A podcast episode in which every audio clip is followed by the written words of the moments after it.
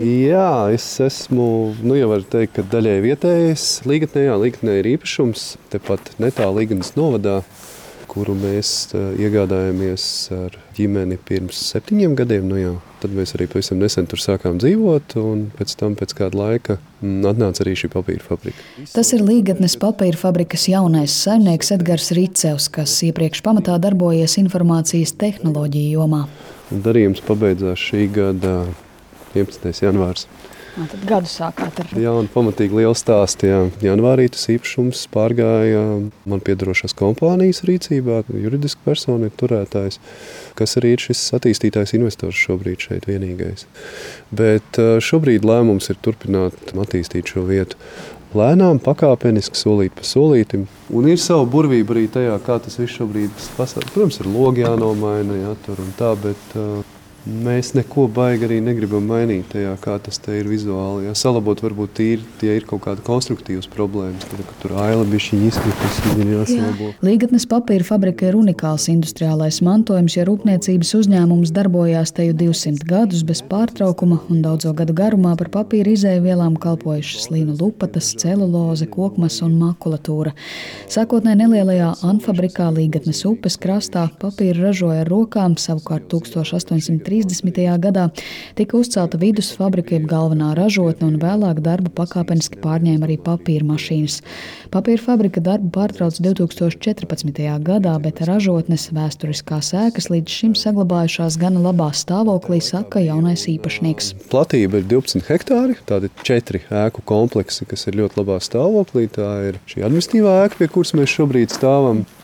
Ļoti skaista ēka. Tā ir bijusi biroja ēka viņiem savulaik. Tā administrācija, darbinieki, grāmatvedība, kase, arotbiedrība un tā tālāk. Viņai klāt ir tāda piebūvēta, kas ir noliktava, spīķerīts tāds neliels, vēsturiskā ēka, divu stāvu.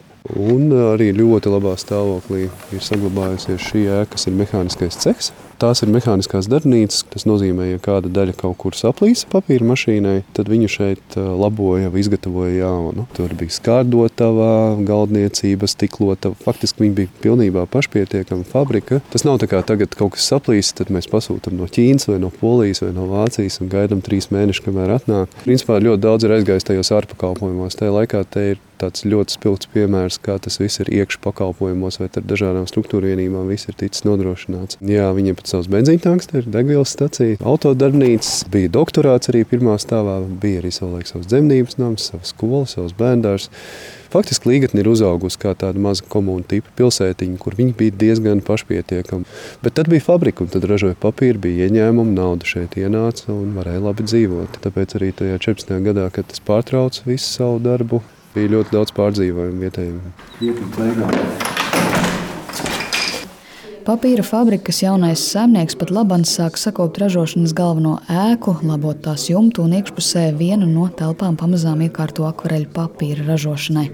Saražoto papīru apjomā līdz 100 tonnām gadā pamatā plānots eksportēt uz dažādām pasaules valstīm, jo Latvijā tam tirgus ir pavisam neliels. Tie ir dažādi akvareļu papīri. Šis konkrēti, ko jūs paklausījāt, ir Francijā ražots, kas skaitās tāds, nu, tuvāk jau šim profesionālajiem dārgajam galam papīra, akvareļu papīra. Bet kāpēc viņš šeit ir? Jūs viņš ir šeit, tāpēc, ka mums ir doma ražot akvareļu papīru. Šis savukārt ir ražots uz tās akvareļu līnijas, kas šobrīd atrodas Rīgā, bet ir gatava pārbraukšanai uz šejienes.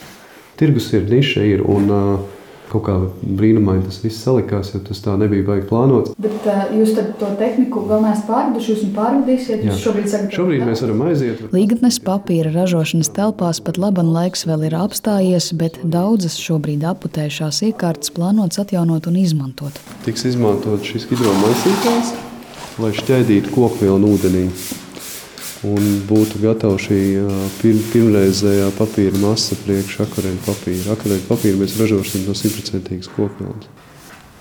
Attīrītājs.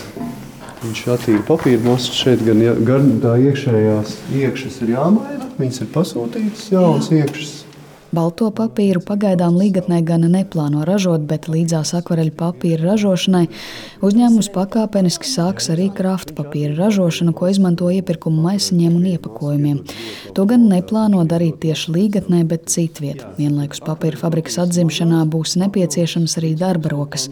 Gan ražošanā, gan citos darbos. Īpašnieks saka, ka cer nodarbināt tieši vietējos iedzīvotājus. Bet papīra ražošana, kāpēc viņa ir būtiska? Tāpēc, ka tā ir šī vietas dvēsele līgatnes dvēsele, un tā ir kā sirds. Ja viņi iepukstēsies, tad tas, kas šeit reiz ir bijis un kas kaut kādā mērā 14. gadā tas stāsts izbeidzās, tas atnāks, atjaunosies. Man ir tā sajūta. Jā.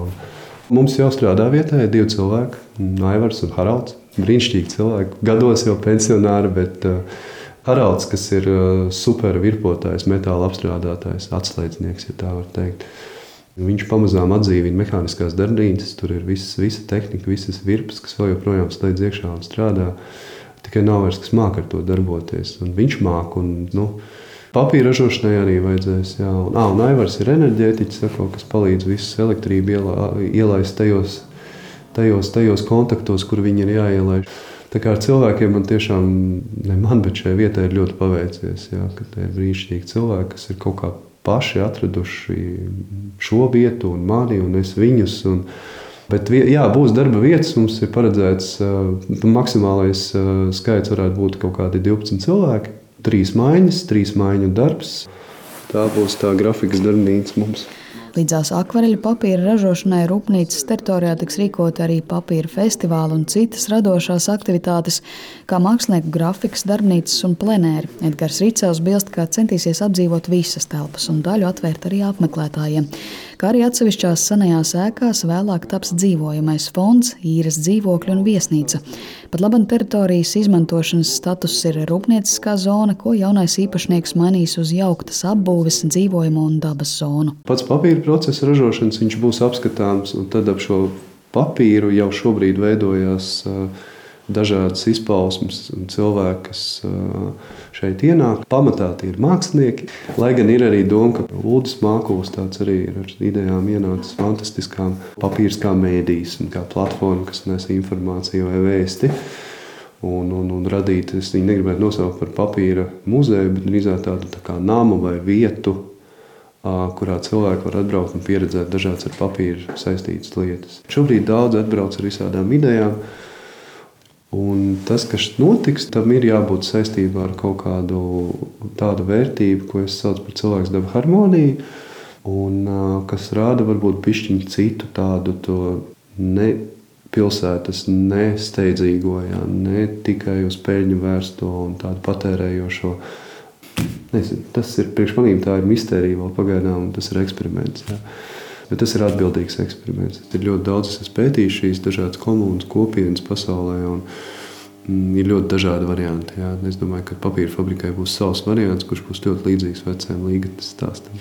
Vienā no līgatnes papīra fabrikas vēsturiskajām telpām, kur pēdējos astoņus gadus iekārtas krājušas tikai putekļus, akvareļu papīra ražošanu plānots sākt jau šogad. Sinti Ambote, Latvijas radio.